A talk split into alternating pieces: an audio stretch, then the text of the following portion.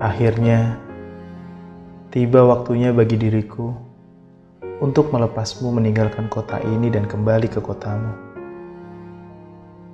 Sungguh berat sekali hati ini.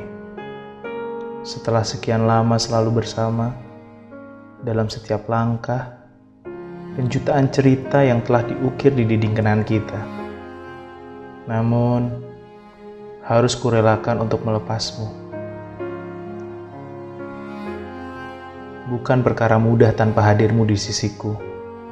Seseorang yang selalu menguatkanku di kala jatuh. Seorang yang selalu memberi semangat ketika aku sedang redup.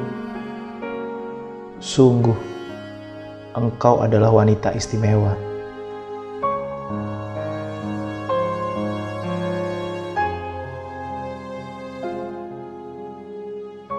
Tepat jam 7.23 malam, aku mengantarmu di stasiun Tugu Yogyakarta.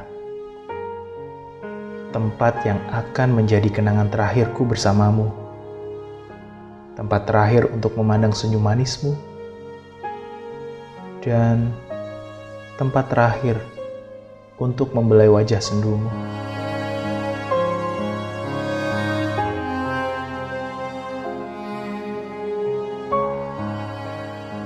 Di antara sisa hujan yang tertinggal di sudut jalan, ku antar dirimu melangkah masuk ke dalam bangunan kokoh yang masih mempertahankan gaya arsitektur kolonial modern khas awal abad ke-20 yang dibangun tahun 1885. Inilah kali pertama aku mengantar seseorang yang telah mengendapkan cinta terdalam di hatiku.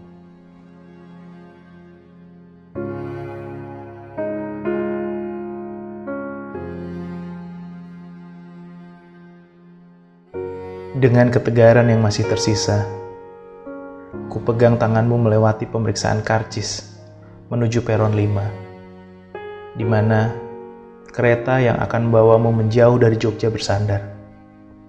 Di sana, ku hentikan langkahku. Sambil memandang jam kuno yang menggantung di atap bangunan yang dahulu dibangun oleh perusahaan kereta api milik negara bernama Stadspoorwegen